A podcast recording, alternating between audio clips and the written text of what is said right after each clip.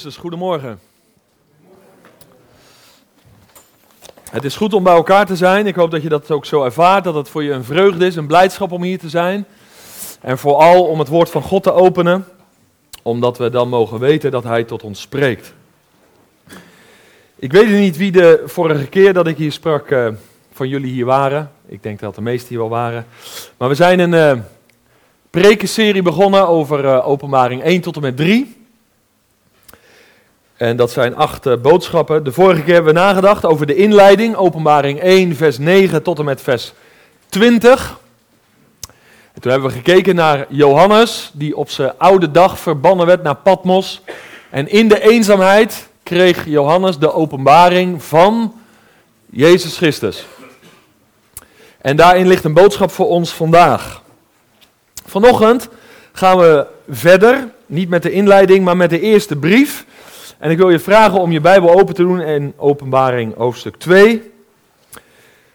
En we lezen zo dadelijk vers 1 tot en met 7.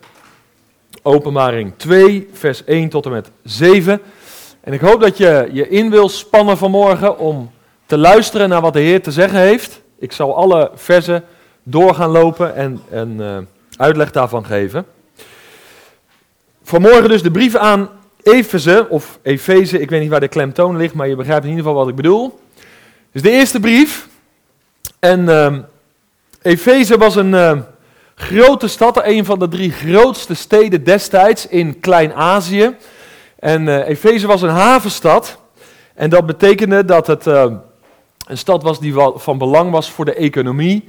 En dus uiteindelijk voor de welvaart. Even los van het welzijn, want we leren uit de geschiedenis dat welvaart vaak niet leidt tot welzijn. Maar Efeze was dus een belangrijke handelsstad. En daarnaast was Efeze ook een bolwerk, een religieus bolwerk. We kennen Efeze allemaal van de tempel van Diana, hè, van Artemis. Hè. In het Latijn is dat Diana. En er werd gescandeerd, groot is de Diana der Efeziërs.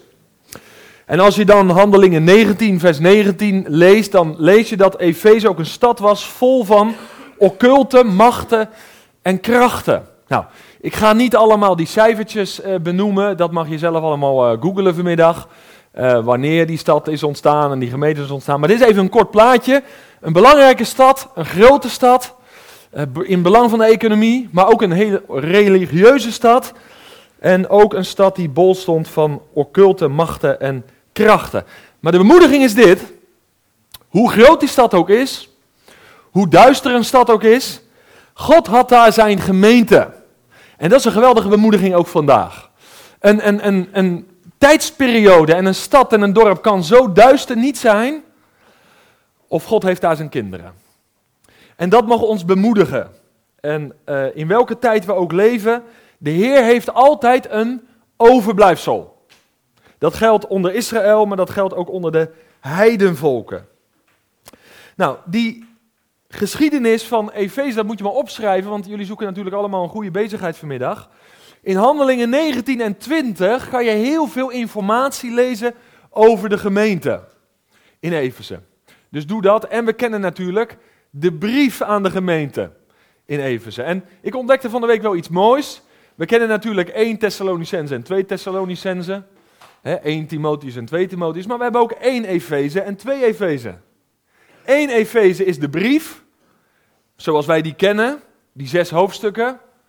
En twee Efeze, daar gaan we vanavond, vanmorgen mee aan de slag. Dat is dus die brief in openbaring. Dus je hebt wel twee brieven aan de Efeziërs. Nou, dan heb je weer wat geleerd en heb je een goed gespreksonderwerp voor onder de koffie straks bij de familie.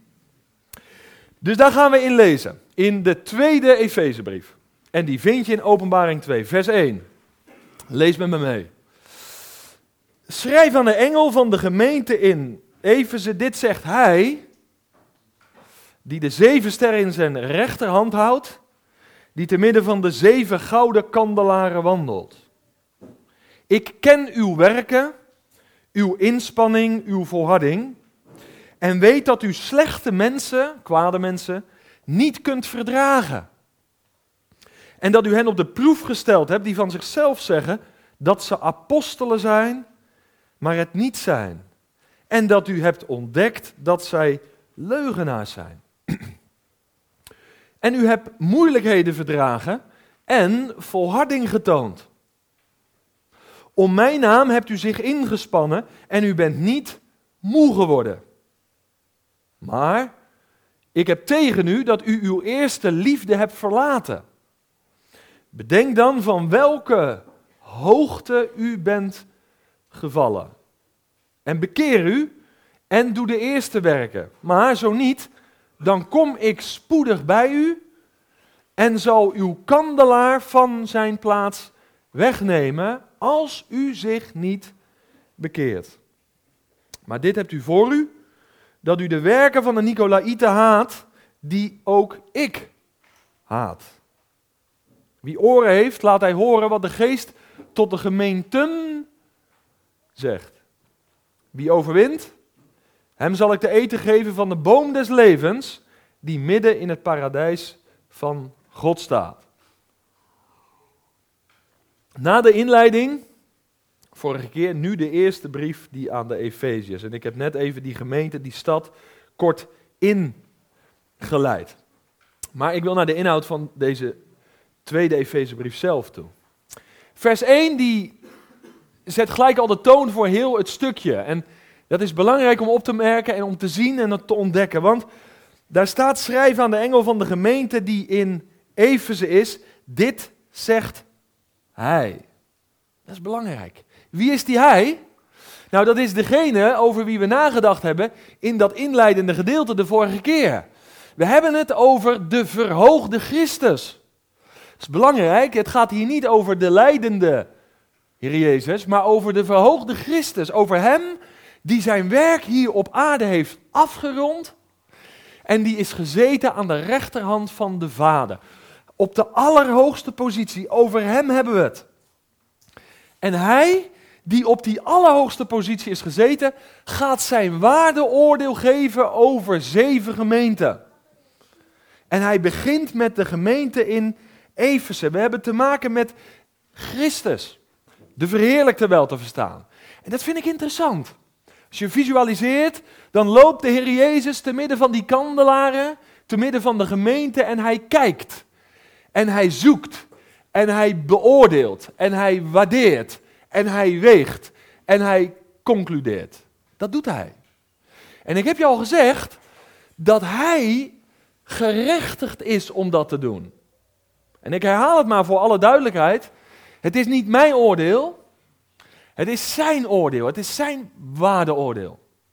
Van de verhoogde Christus. En dat moet je vasthouden als we verder gaan lezen. Want er komen best aangrijpende, confronterende en radicale woorden uit zijn mond. En het volgende wat daar staat, dit zegt hij. Dat wil zeggen, dit spreekt hij, dit zegt hij. Nou, dat is uiteindelijk een citaat uit het Oude, uit het Eerste Testament, want daar lezen we heel vaak over. Alzo spreekt de Heer. En als er iets is, ik heb gezegd, deze brieven geven licht over de tijd waarin wij leven. Als er iets is wat wij ook als christelijke gemeente Amsterdam nodig hebben, dan is het niet ik denk of ik voel in de allereerste plaats, maar dat we met elkaar teruggaan naar de schriften, de schriften onderzoeken, ons hart heel bewust voor Hem openstellen en zeggen: Spreek, heren. En ik zat net te denken onder dat lied. Spreek mij van Jezus, mijn heiland. Ik hoor toch zo gaarne zijn woord. Jullie hebben toch meegezongen? Zijn woord, zijn stem. Maar die stem is hier aan het spreken. Hier klinkt zijn woord. Al zo spreekt de Heer. En als je nou echt fundament onder je voeten wil hebben in deze tijd waarin wij leven, dan is het allereerst van belang dat je je oor te luisteren legt bij de woorden van God, die levend en krachtig zijn. Ik krijg vandaag veel mensen die van allerlei dingen beleven, die van allerlei dingen zien. Maar waar soms het Bijbels fundament ontbreekt in hun leven. En dan weet je op een gegeven moment niet meer waar ze eindigen. Dus het is belangrijk dat wij het woord van God tot ons laten spreken. Dit zegt hij, dit spreekt hij en dat komt overeen met alzo spreekt de Heer. En luister goed. Als de Heer Jezus, Efeze en ook de christelijke gemeente van Alblasserdam en ons persoonlijk leven beoordeelt, dan geeft hij geen waardeoordeel naar menselijke maatstaven. Want, want we gaan ontdekken zo dat die soms tegenovergesteld zijn. Maar hij beoordeelt aan de hand van de goddelijke standaard. En de eerste vraag die naar jou en mij toekomt is: wat vind je vandaag belangrijker? De instemming van mensen over je leven of de instemming van God over je leven? Welk waardeoordeel, waar hecht je meer waarde aan? Aan het oordeel van mensen of aan het oordeel van God?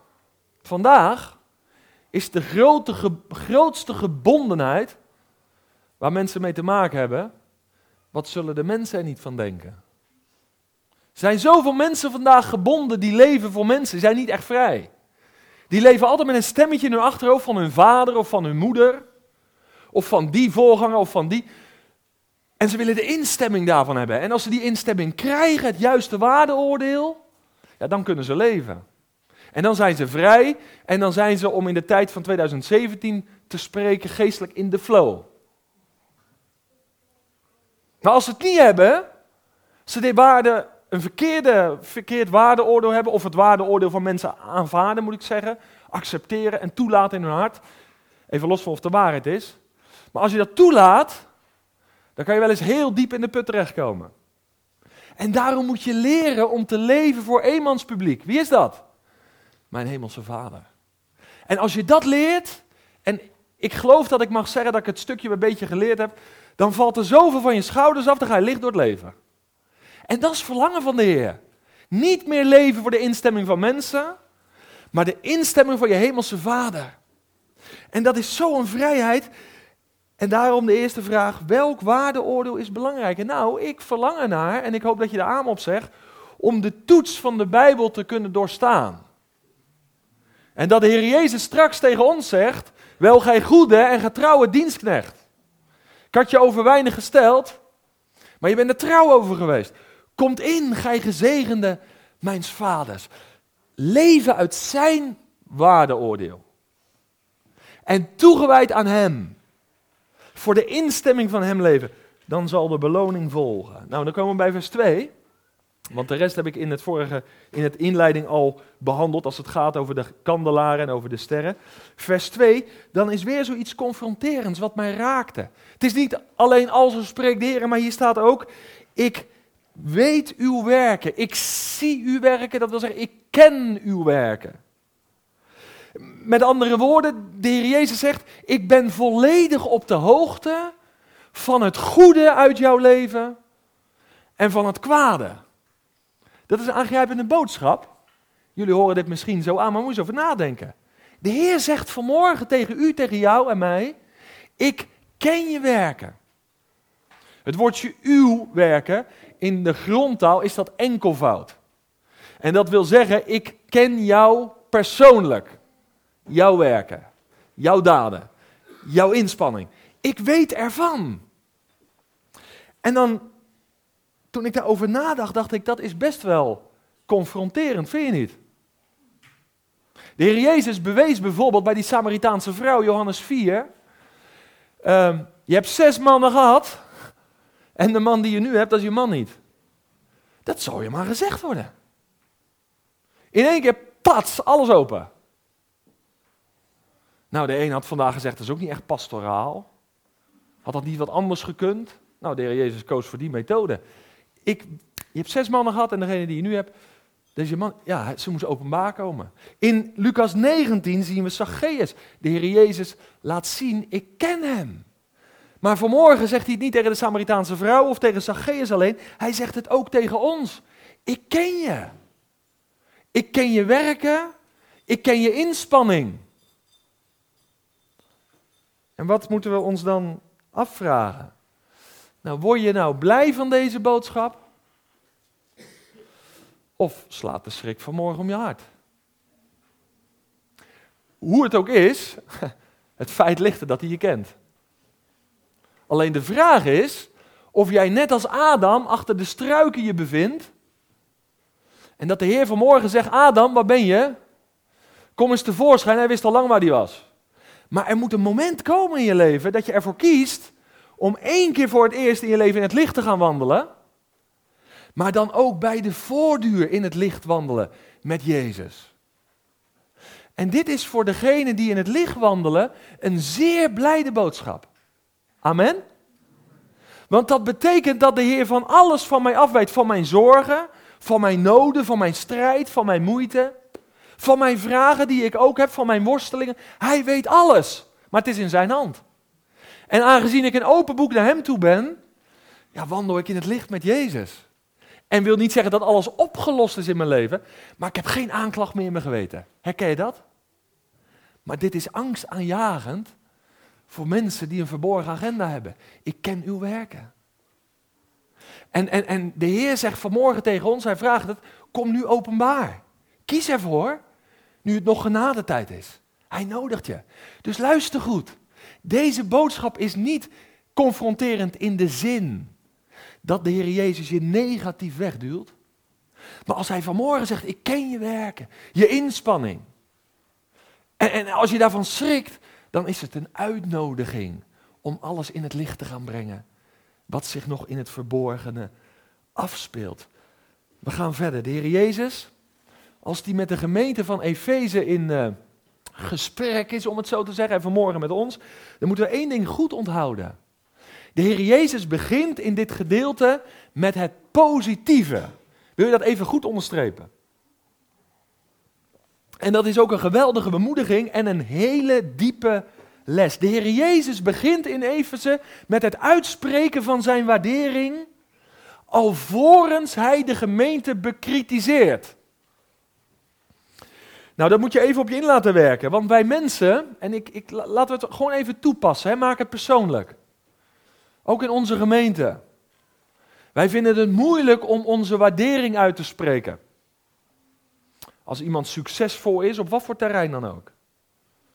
Want ja, als iemand succesvol is en jij hebt het niet, dan spreken de, sommigen die spreken zich daar maar niet uit. Dat is pure jaloezie. Vinden we moeilijk om iemand te waarderen. Om, om blij te zijn met de blijde. Maar dat is zo gezond, dat hebben we allemaal nodig. Een stukje uh, waardering, instemming, bemoediging. Maar, maar soms moet het uit je tenen komen. Ook ga hem waarderen vandaag. het is eruit. Maar dat moet iets spontaans zijn. De Heer Jezus, die waardeert bepaalde aspecten in de gemeente in Efeze. Is die blij mee? En waardering behoort bij echte liefde. En mensen vinden het vaak moeilijk om waardering uit te spreken, maar luister goed, ze zijn tegelijkertijd extreem snel in het bekritiseren van iemand. Ik sprak gisteren in een gemeente, daar kwam iemand naar me toe, die maakte er geen misverstand over. Hij zegt, je bent een leugenaar. Nou ja, ik wist wel gelijk waar ik aan toe was. Dus daar was ik wel blij mee. En uh, dus het enige wat ik heb gezegd, nou ja, dan moet je het maar aan de oudste raad hier melden. Dan weten zij er ook van. Uh, en dan hoor ik het wel. Hij was wel open, hij was wel eerlijk. Alleen hij vergat één ding. Als de Heer Jezus, toen de Heer Jezus deze dingen schreef aan Eversen, begon hij met vier punten van waardering. Alvorens hij hem bekritiseerde. En broeder Zack Pone, ik weet niet of jullie hem kennen, anders raad ik hem aan om dingen van hem te lezen. Die heeft dit gezegd. En, en dit, dit geef ik je mee vanmorgen, ook aan mezelf. Hij gaf dit mee. Hij zegt: wijs een persoon nooit op een fout als je niet eerst iets gevonden hebt in die persoon om te waarderen. Ik zal hem herhalen. En als dit gepraktiseerd gaat worden, ook in ons midden, opwekking, denk ik. Wat, staat, wat zei hij? Wijs een persoon nooit op een fout als je niet eerst iets gevonden hebt. En iets is toch wel te vinden, toch? Als je iets gevonden hebt in die persoon om te waarderen. Dit is zo belangrijk. Mensen zijn extreem snel in kritiek. En wat merk je dan? Dat christenen hele lange tenen hebben.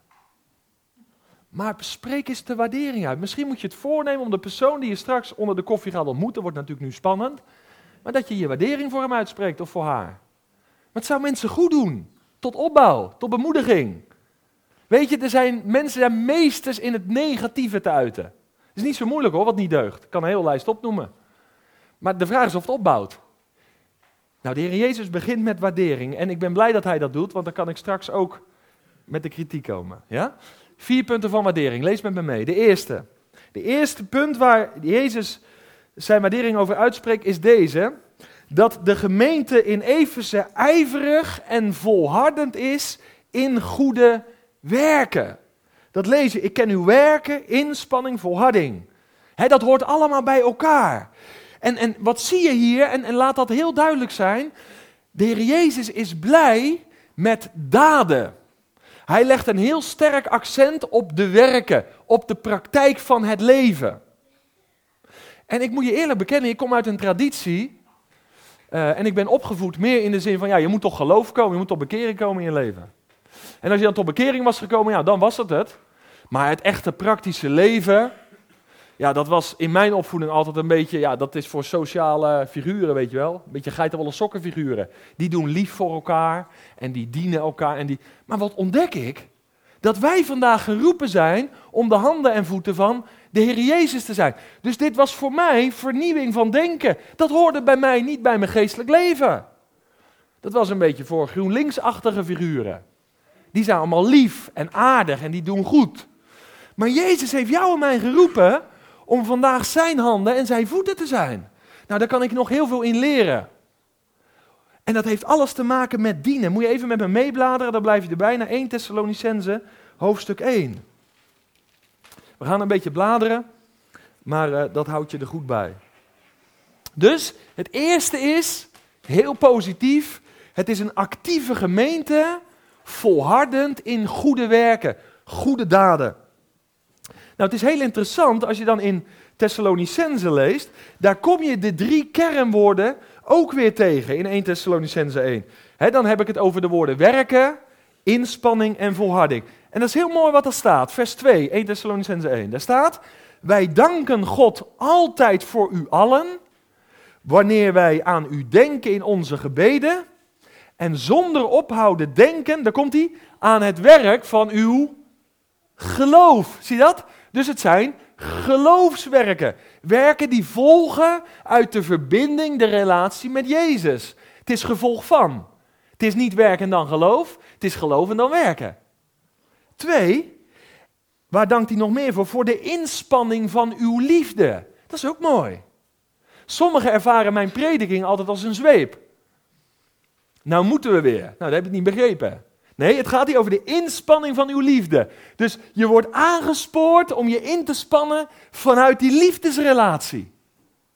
En dat hebben we nodig. Misschien denk je daar anders over, maar ik weet uit eigen ervaring dat we het nodig hebben. Dus het gaat om de inspanning van de liefde. Mooi is dat, hè? Dus we zijn actief vanuit de juiste gezindheid. En het derde, wat ook hier genoemd wordt, is de volharding van uw hoop op onze, mooi hè, Heere, Jezus Christus. Dus we volharden ook in de hoop. En de hoop heeft in de Bijbel een aantal betekenissen. Het heeft met de toekomst te maken. Het heeft met de opstanding der doden te maken. Kortom, het heeft met leven te maken. En dat tot in alle eeuwigheid. En in die hoop volharden we. Nou, dit was in de gemeente van Efeze, we gaan terug naar openbaring, ook aanwezig. En wat zie ik dan? Dat de drie christelijke metgezellen, geloof, hoop en liefde, waren in die gemeente aanwezig en nog veel meer, ze werden gepraktiseerd. Dat is fantastisch mooi. Ik hoop dat je het ziet. En door goede werken te doen, hebben, houden, hebben wij dus een dienende houding. hey, daarmee lijken wij op iemand. Die kwam om zijn leven te geven, om te dienen. En herken je daar nou in? Dan heb je iets van de Heer Jezus. Het tweede waar ze in geroemd worden, Efeze, is dit. Nog steeds positief. In Efeze kunnen ze slechte, dat wil zeggen kwade mensen met kwade bedoelingen, soms heel uh, geraffineerd, maar uh, ze kunnen de slechte kwade niet verdragen. En, en in de context duidt dit op wereldsgezinde mensen.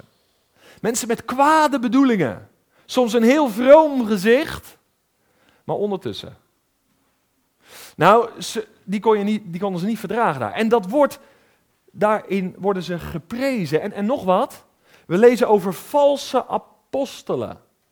Nou, dat woord apostelen hier, dat, dat is een veel breder begrip dan de apostelen die wij kennen, de twaalf. in, In dit gedeelte heeft het ook te maken met vaak rondreizende predikers die dan zich voegden bij de gemeente in Efeze en dan probeerden hun invloed daar te gaan krijgen. Valse leraars, rondreizende predikers. Geloof me, dat is ook vandaag zo. Die binnen willen komen en hun eigen leringen uiteindelijk gaan brengen. En in Efeze ontdekten ze die mensen, ja sterker nog, ze ontmaskerden deze predikers. En broeders en zusters, dit is eindtijd. Dit is zo belangrijk. Blijkbaar hadden de gelovigen in Efeze, luister goed, onderscheiding van geesten. Als er iets nodig is, je mag je naar alle gaven uitstrekken, laat dat duidelijk zijn. Maar strek je vooral naar deze gave uit. Onderscheiding van geesten. Beproef ze. Wees een bereer, daar wil ik je ook toe aansporen. En in Efeze, dat waren allemaal bereers. Ze onderzochten de dingen, ze toetsten de dingen. Blijkbaar hebben ze die mensen bevraagd en ze ontmaskerden ze. En ze werden weggewezen. Dat is heftig. Maar Paulus zegt, dat mag je opschrijven, hoef je niet op te zoeken in 2 Timotheüs 4 vers 3, dat er in de eindtijd gelovigen zijn, mensen zijn, die hun eigen leraars verzamelen. Die een fijn praatje houden. Dat ze na zeggen, het was fijn broeder. En die, die, die uiteindelijk leraars willen, onderwijzen willen, wat, wat niet te dichtbij komt. Wat mijn hart niet raakt. Wat er net aan voorbij gaat, zo heerlijk. En, en weet je wat daar het probleem van is? Je gaat gewoon verder met het leventje wat je altijd al hebt geleefd. En dit is een van de gevaarlijkste dingen. Toen ik net tot geloof kwam, heb ik heel veel conferenties bezocht. En een van de predikanten die ons in die, tijdens die conferenties onderwees, die zei tegen mij: Als je ooit gaat spreken, zorg dan dat dit gebeurt. Twee dingen. Of mensen moeten ontzettend blij worden door je boodschap, of mensen moeten ontzettend boos worden. Maar laat het niet daartussenin zitten, want dan is er iets misgegaan. Begrijp je wat ik bedoel? Het woord van God is levend en krachtig, op scherps van de snede. En er zijn zoveel gemeenten vandaag. Die brengen een heel sociaal lief evangelie. Het komt goed hoor. Maak je niet al te druk. En, en als je een preek gehouden hebt en je komt soms in, uh, in, in, in, in een gebed daarna, dan merk je zelfs bij de leiding een beetje gematigd, getemperd. Ze reageren niet uitgebreid. En uh, een beetje de, de, de gepaste, afgepaste woorden, weet je, en zo ga je dan weg. Maar ze willen hun hart niet blootgeven. Het is gevaarlijk. Leraars verzamelen naar je eigen begeerte, je eigen gedachten. Maar Efeze behoorde niet tot die categorie, want je hield het als valse leraar daar niet uit en de kwaden werden niet verdragen. We gaan naar de derde. Ik hoop dat je er blij blijft tot het einde. De derde positieve punt is dit. Er waren in Efeze, net als in alle andere gemeenten, moeilijkheden. En het apart is dat die moeilijkheden niet concreet werden, zijn beschreven in de Bijbel. Maar ze zijn er. Ze zijn er zelfs in de christelijke gemeente van Alblasserdam, voor zover je dat uh, niet had verwacht. Moeilijkheden. En dat heeft te maken met al die verschillende karakters. Dat heeft te maken met al die verschillende achtergronden. Dat heeft te maken met al die verschillende gedachten en visies. En dan alles wat we mee hebben gebracht aan ons verleden. Wat allemaal een plekje moet krijgen. In pastoraat, in prediking. En de een verwacht dit en de ander verwacht dat. En die is teleurgesteld in die. En die is weer. Je kent het. Moeilijkheden. Toch? Sommigen van jullie lachen. En sommigen van jullie horen dit voor het eerst. Dit is all in the game. En dat was in Efeze al zo. Maar wat staat er nou van die Efeziërs? Dat vind ik zo bijzonder. Daar staat in vers 3: En u hebt de moeilijkheden verdragen. Mooi is dat. Ze hebben dus blijkbaar niet in hun vlees gereageerd. Als hij dit, dan ik dat. Ze hebben moeilijkheden verdragen en volharding, geduld Weet je, weet je wanneer je kan volharden en geduld kan oefenen? Ik zeg het ook tegen mezelf. Als je veel zelfkennis hebt. Mensen die weinig zelfkennis hebben, volharden vaak niet en hebben geen geduld. Maar hoe meer je jezelf kent, hoe meer geduld je kan opbrengen. Want God heeft met jou ook genade gehad. En dat merk ik ook in de omgang met mijn kinderen. Soms is het niet makkelijk. Is het moeilijk. En als ik het moeilijk heb, dan denk ik aan de genade van God over mijn leven. Mijn hemelse vader met zijn kind hier op aarde, wat een geduld.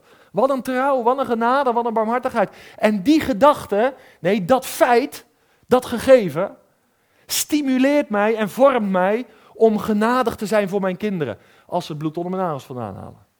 Dat. Dus zelfkennis is essentieel. Nou, een oud vragenbroekje, wat jullie, uh, sommigen van jullie al geleerd hebben. Daar komt de vraag in voor welke twee dingen zijn nodig. Godskennis en zelfkennis. Nou, het is maar al te waar. Die twee. En dat is in Efeze blijkbaar zo geweest, want ze konden de moeilijkheden verdragen. En, en alsof het nog niet genoeg is, vind ik zo mooi en de bemoediging. Om mijn naam hebt u zich ingespannen en u bent niet, wat staat er bij jullie? Moe geworden. Je leest er al mee? Vers 5. Of vers 3. Je bent niet moe geworden. Dus je wordt beproefd, want moeilijkheden zijn beproevingen. En in de beproeving heeft God je krachten vernield. Is dat een zegen of niet? Dus God neemt niet de moeilijkheden altijd weg. Dat staat hier niet. Maar ze hebben het verdragen. Ze hebben geduld geoefend en ze zijn niet moe geworden. Die de Heeren verwachten in hun moeilijkheden. Die putten nieuwe kracht. Veel zogenaamd evangelie vandaag zegt: eerst de moeilijkheden oplossen, dan de Heer volgen. En als je de Heer kent, worden je moeilijkheden opgelost. Dat leert de Bijbel niet. Blijf maar hierheen kijken.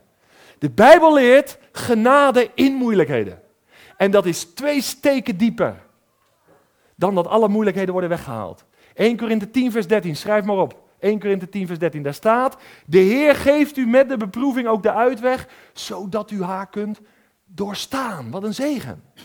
We gaan naar de vierde waardering van de Heer Jezus uh, aan de gemeente in Efeze.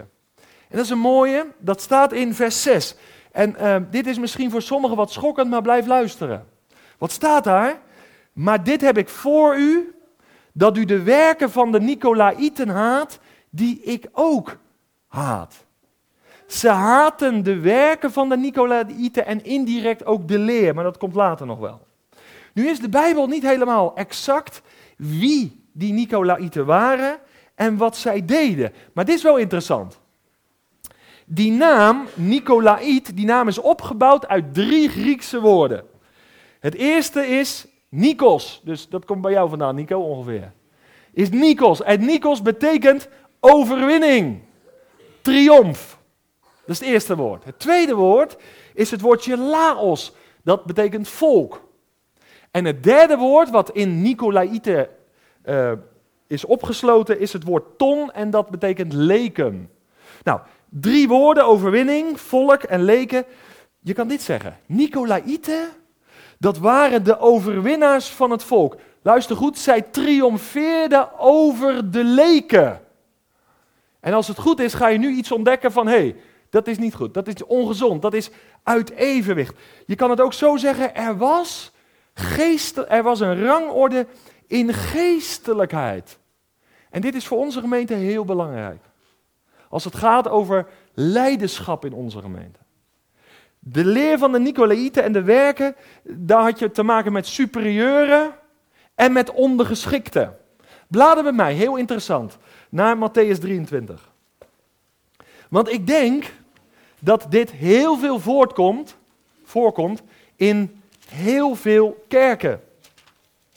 En dit is denk ik ook teken van de laatste tijd. Nicolaïten, de leer en hun werken. Er is dus sprake van superieuren en ondergeschikten. De superieuren heersen over leken. En je krijgt dus een enorme hiërarchie met alle wrange gevolgen van die. Het is altijd interessant om te kijken, wat zegt de Heer Jezus nou van dat soort dingen? Dat is zo mooi. Ik ben enthousiast over dit stukje, Matthäus 23, vers 8. Daar zegt de Heer Jezus, maar u mag zich geen rabbi laten noemen. Al die titels vandaag, vul het mij in. U mag zich geen rabbi laten noemen, want één is uw meester. Amen? Namelijk, zo mooi, Christus. Er staat niet namelijk Jezus, daar staat Christus. Gezalfde de door God gezalfde profeet, priester en koning. Hij is de meester. Hij is de Heer. Hij is de rabbi. En als gevolg daarvan wil ik me slechts aan hem onderwerpen. En de Heer Jezus die zag dat de schare gebuk ging onder wetten en regels en onder menselijke systemen. En dat konden ze niet dragen. Ze hadden geen rust. En dan gaat hij verder. Lees met me mee. En u bent allen broeders. Zie je daar hiërarchie? Nee. Volgende vers. En u mag niemand op de aarde uw vader noemen. Weet je wat er in de grondtaal voor dat woord vader staat? Pater. Priester, hoofd. Niemand mag u op de aarde zo noemen, want één is uw vader. Amen?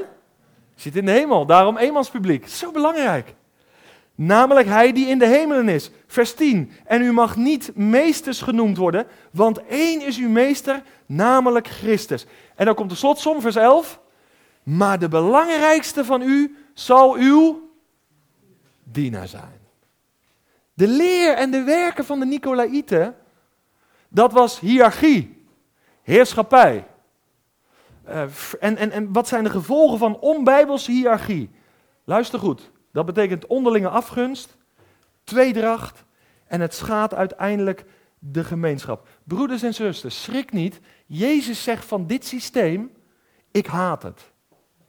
Deze hiërarchie binnen de gemeente, ik haat het. Dus ik vrees dat heel veel systemen, ook in de kerken, gebaseerd zijn op het model van de Nicolaïten. En iemand zegt, ja, dat is Rome, dat is de paus en de bisschop. Nou, ik denk dat dat ook in heel veel andere kerken is doorgedrongen. En dan zegt iemand natuurlijk gelijk, ja, maar er moet toch leiderschap zijn? Ja, maar je kent het model, hè? Niet de punt naar boven. Ik geloof dat er zeker leiders zijn, maar het Bijbelse model is de punt naar beneden en dan naar voren toe. Dus er is gelijkheid. Wij zijn allen broeders. Eén is onze vader, één is onze meester. En de leer en de werken van de Nicolaïten, die gingen tegen het principe van Christus in. En Jezus zegt, ik haat het. Waarom? Omdat de vruchten wrang zijn. Tot op de dag van vandaag. Nou, je zou zeggen, want ik kom nu bij het laatste. Ik, ik ga tekenen voor zo'n gemeente. Het is toch fantastisch als je het even opzomt? Zal ik het even voor je samenvatten? Deze gemeente in Efeze had als motto: geen woorden, maar daden en dat met volharding. Dat is de eerste. Tweede, ze hielden slechte en kwade mensen buiten. Nou, daar ben je daar ook vanaf. In de derde plaats, ze ontmaskerden valse leraars. Dus ze waren zuiver in de leer. Dat is ook een gevolg. Samengevat, de Efeze die legde heel duidelijk de nadruk op zuiverheid in leer en leven. Nou, ik heb een aanmeldformulier. Wie meldt zich voor deze gemeente aan? Dit is wat we willen. En, en ik merk in de landen, ik mag een beetje bij gemeentestichting hier en daar betrokken zijn, maar, maar, maar dit is wat ze willen. En ze hebben het allemaal papier, beleidenissen, visies, eh, jaarplannen, alles klopt. En als je het leest, je likt je vingers erbij af. Alles onderbouwd. Het klopt. En de een na de ander meldt zich aan en die denkt, dit is het kader waardoor wij veilig zijn in de tijd die komt. En nou even, schrik niet naar de woorden van Jezus. Want weet je, alle punten die ik nu genoemd heb, die zijn zichtbaar. Maar Jezus ziet ook op het onzichtbare. En wat zegt hij in vers 4, openbaring 2? En daar gaan we mee afronden. Het is heel aangrijpend, ik hoop dat het echt valt. Maar ik heb, openbaring 2 vers 4, ik heb tegen u dat u uw eerste liefde verlaten hebt. Bedenk dan van welke hoogte u bent gevallen en bekeer u en doe de eerste werken. Maar zo niet, dan kom ik spoedig bij u en zal uw kandelaar van zijn plaats wegnemen als u zich niet bekeert. Span je in voor deze laatste verse. Zo belangrijk. Een geweldig indrukwekkend lijstje. Waar menig voorganger jaloers op is. En nou komt het waardeoordeel van wie?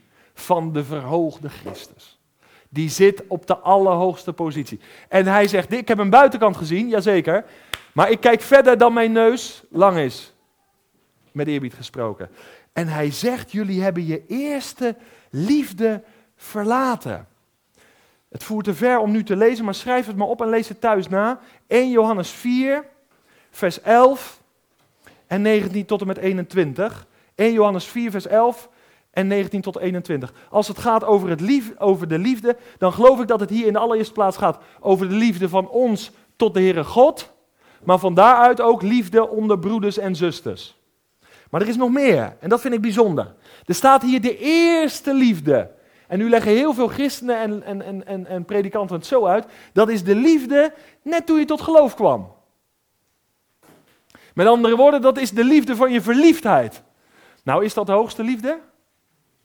Is dat de eerste liefde? Nou, ik hoop, als je getrouwd bent, dat je na je verkeringstijd, met al die rare gevoelens van binnen, dat het een beetje basis heeft gekregen, fundament, en dat je bent gaan groeien in liefde. Naarmate je elkaar langer kent, kom je op, ga je naar grote hoogte. Dus ik denk dat het hier niet gaat over liefde in volgorde van tijd, maar dat het gaat om liefde uitgedrukt in kwaliteit. En de hoogste kwaliteit liefde, die hadden ze verlaten. Moet je goed over nadenken dit. Niet zozeer in volgorde van tijd, maar in kwaliteit. Zowel naar de Heere God toe, als naar de broeders en zusters. En dit rekent de Heer Jezus hen aan. En dit, hiermee kom ik tot de kern van de boodschap. Want deze liefde, waar hierover gesproken wordt, is een onzelfzuchtige liefde. Is een opofferende liefde. Is een dienende liefde. En luister goed, ook voor onze gemeente en voor ieder persoonlijk. Als deze liefde verdwijnt, dan veranderen goede werken in dode werken. Je leest nog wel je Bijbel. Je bidt ook nog wel. Je bezoekt ook nog wel een samenkomst zo nu en dan. Maar het worden rituelen. Het komt niet meer vanuit die innerlijke gezindheid en verlangen. Daar gaat het om. Dat is een hele aangrijpende werkelijkheid. Waar deze liefde verdwijnt, zijn we niet meer in staat om elkaars zwakheden te verdragen. We zijn niet meer in staat om elkaars, over elkaars zonde heen te kijken. Liefde bedekt menigte van zonde.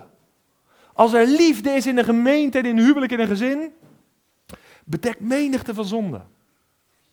En misschien dacht je, ja, als ik aan zonde denk, dan denk ik aan hoererij, en dan denk ik aan diefstal, en dan denk ik aan moord. Maar de Heer Jezus zegt, weet je wat het ergste is?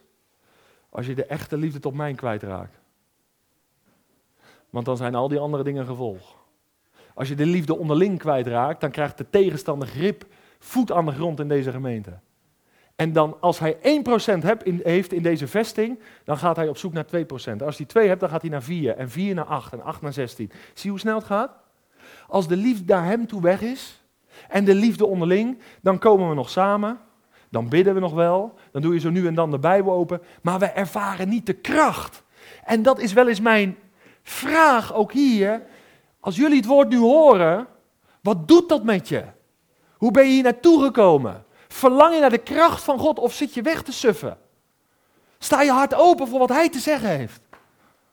Dat is belangrijk. Waak ervoor dat samenkomsten, bidstonden, het lezen van je Bijbel geen ritueel worden. En hoeveel christenen kom je niet tegen? Ja, in de begintijd las ik nog wel. Maar ik proefde niks meer, ervaar niks ervan. Wat is er aan de hand? God spreekt vandaag door zijn woord. En vers 5 zegt dan, jullie zijn van grote hoogte gevallen door het verlaten van die eerste liefde. Met andere woorden, het is geen kleinigheidje. Het is heel aangrijpend. Hoe weet je dat ze op grote hoogte waren dan? Nou, kennen jullie de Efezebrief? Nou, dat wordt wel genoemd de gemeentebrief. Sommige mensen die dat is hem. Nou, dat is deze gemeente. Waren ze rijk bevoorrecht? Waren ze op grote hoogte gekomen? Nou, wie hoog staat, die kan heel diep vallen.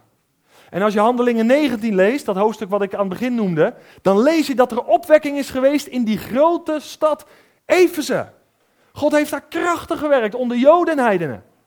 Een geweldige brief gekregen. Drie eerste hoofdstukken over de positie, laatste drie hoofdstukken conditie, top.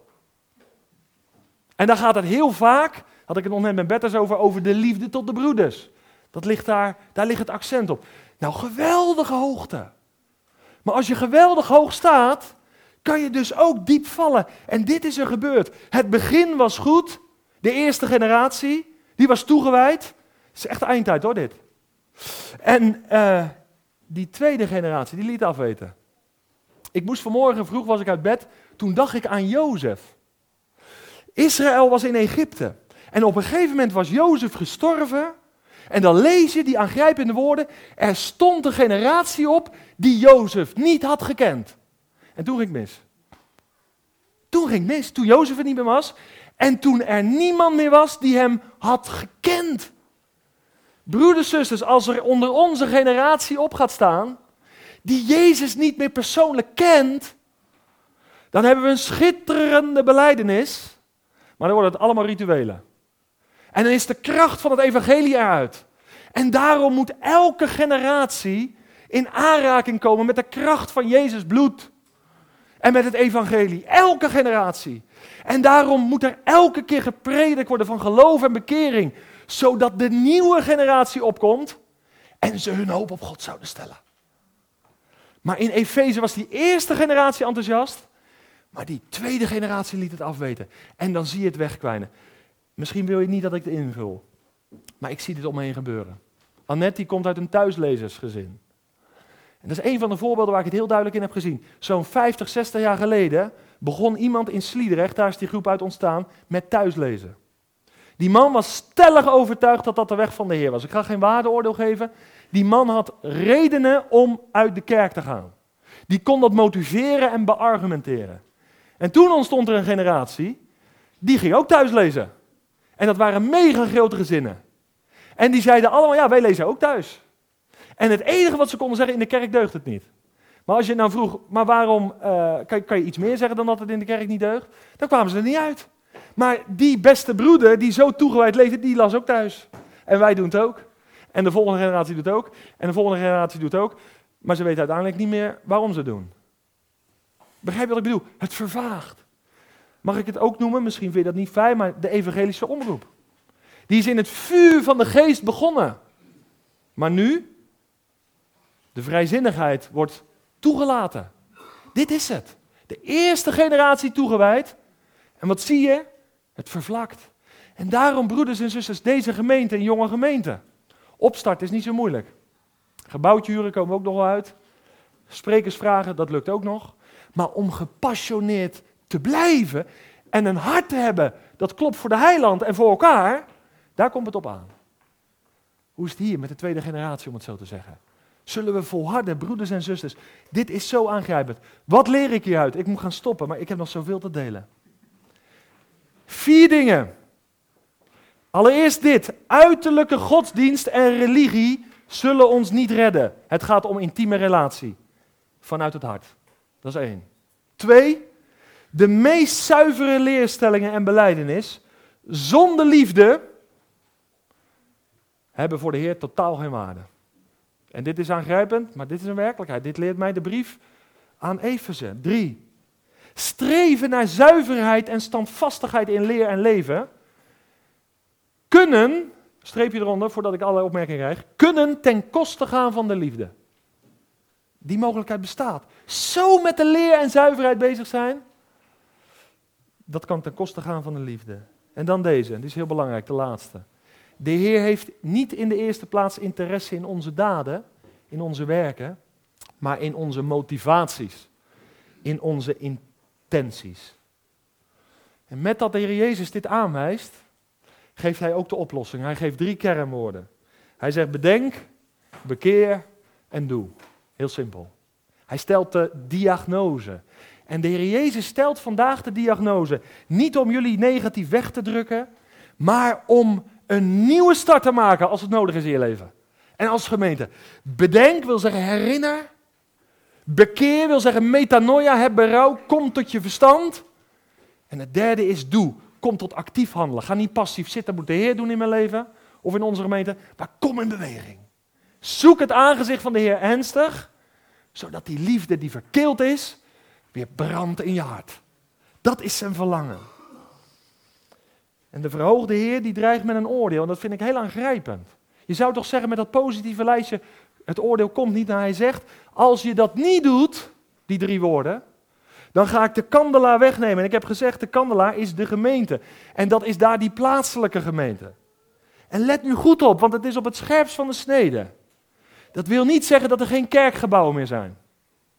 Dat wil ook niet zeggen dat er geen samenkomsten meer zijn. Dat is het aangrijpende van vandaag. Dat heel veel kerken en instanties gaan allemaal door. Samenkomsten zijn er, maar is de Heer nog in het midden? De bekende Tozer heeft gezegd, als in de eerste christengemeente de Heilige Geest zou wijken, dan zou slechts 5% van de activiteiten doorgaan. Maar als in de gemeente in de eindtijd de Heilige Geest wijkt, dan zou 95% van de activiteiten doorgaan. Dat is een aangrijpende uitspraak. Gelukkig heb ik hem zelf niet verzonnen. Maar hier zit wel wat in. Je kan veel hebben qua formaliteiten en, en, en overtuigingen. Maar als de liefde er niet is. Vers 7. De Heer Jezus. Hij heeft zijn waardering en vermaning uitgesproken. En broeders, zusters, dat geldt ook voor mijn kant. Vermaning en waardering zijn tekenen van Gods liefde. De Heer spreekt vanmorgen, heeft gesproken door woord en geest. Hoe is het met ons hart gesteld? Hoe is het met onze liefde? Hoe is het met onze liefde tot de Heer? En als gevolg daarvan, hoe is het met onze liefde in onze huwelijken? In onze gezinnen? Maar ook in het huisgezin van God. En ik heb me vanmorgen vroeg afgevraagd: Heer, hoe kan ik groeien? En ik zeg het ook tegen mezelf: hoe kan ik groeien in liefde? Hoe kan dat toenemen in mijn leven? Ik wil daarin toenemen, want ik merk dat het liefde voor, de liefde voor u het allerbelangrijkste is. En toen zei hij, door veel na te denken, door veel te lezen, door veel te zingen, door te mediteren over Gods onvoorwaardelijke liefde. En dat diep, diep tot je door te laten dringen. Wat hij gedaan heeft in Jezus Christus, zijn zoon, voor iemand die het niet verdiende.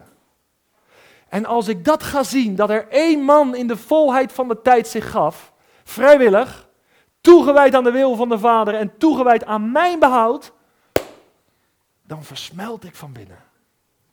En dan ben ik in staat om liefde te geven, maar ook de liefde van God te ontvangen en van daaruit vanuit die volheid te leven. Dus wees veel bezig met de Heer Jezus. Hij is de geopenbaarde liefde van God. Voed en vul je met Hem in je denken, in, je, in alles.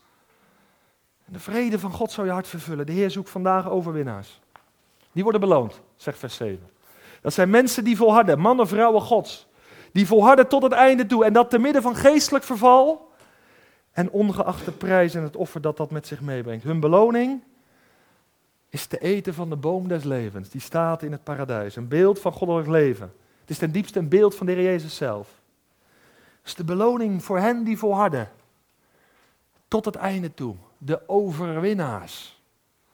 We zijn overwinnaars door Hem. Die ons heeft liefgehad. Hem ongestoord. Eindeloos.